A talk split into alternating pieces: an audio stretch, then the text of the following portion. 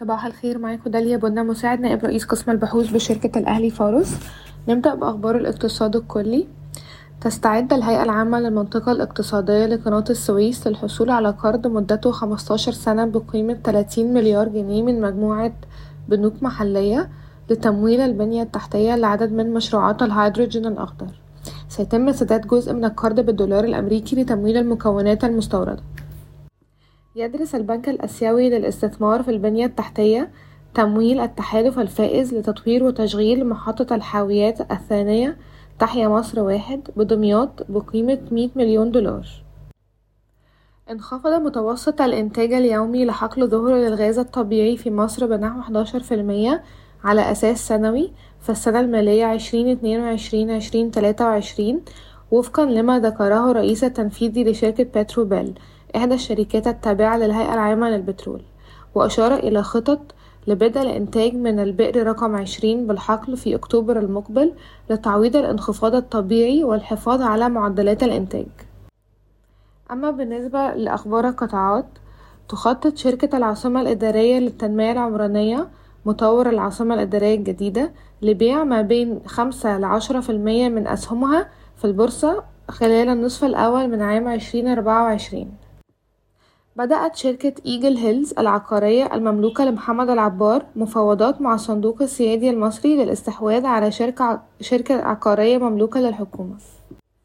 أطلقت شركة مدينة نصر للإسكان والتعمير أحدث مشروعاتها في تاج سيتي تحت اسم أوريجامي وهو أول مشروع لشركة مينكا منذ استحواذ شركة مدينة نصر للإسكان والتعمير عليها. يقدم المشروع مساحة بناء سكنية تبلغ صفر فاصل أربعة مليون متر مربع. تأجيل النظر في دعوة شركة المصرية للمنتجعات السياحية في قضية أرض سهل حشيش المرحلة الثالثة بمساحة عشرين مليون متر مربع إلى تلاتة وعشرين ديسمبر عشرين تلاتة وعشرين. أبدت ثلاث شركات حديد محلية وهي الجيوشي للصلب والمراكبي للصلب والجارحي للصلب اهتمامها بالاستحواذ على شركة دلتا للصلب المملوكة للحكومة.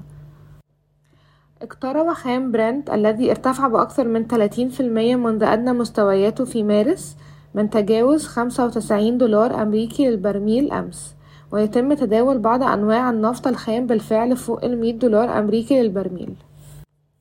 وذكرت شركة مصر لإنتاج الأسمدة موبكو أنها لم تتلقى أي عرض بيع من أي مساهم جاء ذلك ردا على ما تردد أمس من أنباء عن نية الحكومة بيع 15% من حصتها في شركة موبكو إلى شركة ADQ وقعت شركة الأسمدة في منطقة الشرق الأوسط وشمال أفريقيا فيرتي جلوب وهي مشروع مشترك بين أدنوك وشركة OCI المملوكة لساويرس مذكرة تفاهم غير ملزمة مع موانئ أبو ظبي لاستكشاف فرص تخزين وشحن اليوريا والأمونيا في موانئ مصر والإمارات العربية المتحدة وتهدف الشراكة أيضا إلى تمكين فيرتي جلوب من شحن وتخزين الأمونيا الخضراء.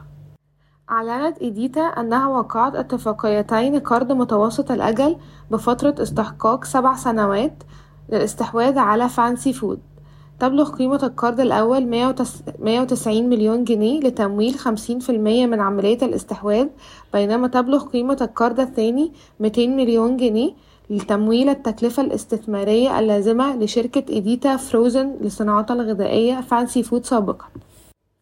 أعلنت شركة الدلتا للسكر في بيان لها أمس أنها لم تتلقى أي عروض لبيع حصص وذلك ردا على أنباء اهتمام الحكومة ببيع عشرين لخمسة وعشرين في المية من حصتها في الشركة.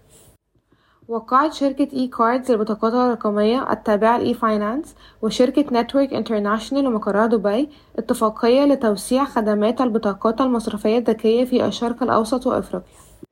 أبدت شركة ريلاينس لايف ساينسز الهندية اهتمامها بالاستحواذ على حصة في شركة المصرية الدولية للصناعات الدوائية لكن لم يتم تقديم أي عروض رسمية حتى الآن.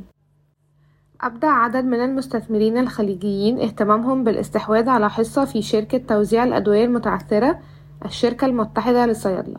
وتطلع الشركة إحدى أكبر شركات توزيع الأدوية في مصر إلى إيجاد مصادر تمويل جديدة لحل الأزمة المالية المتزايدة التي تعاني منها الشركة والناجمة عن تراكم مبالغ كبيرة من الديون.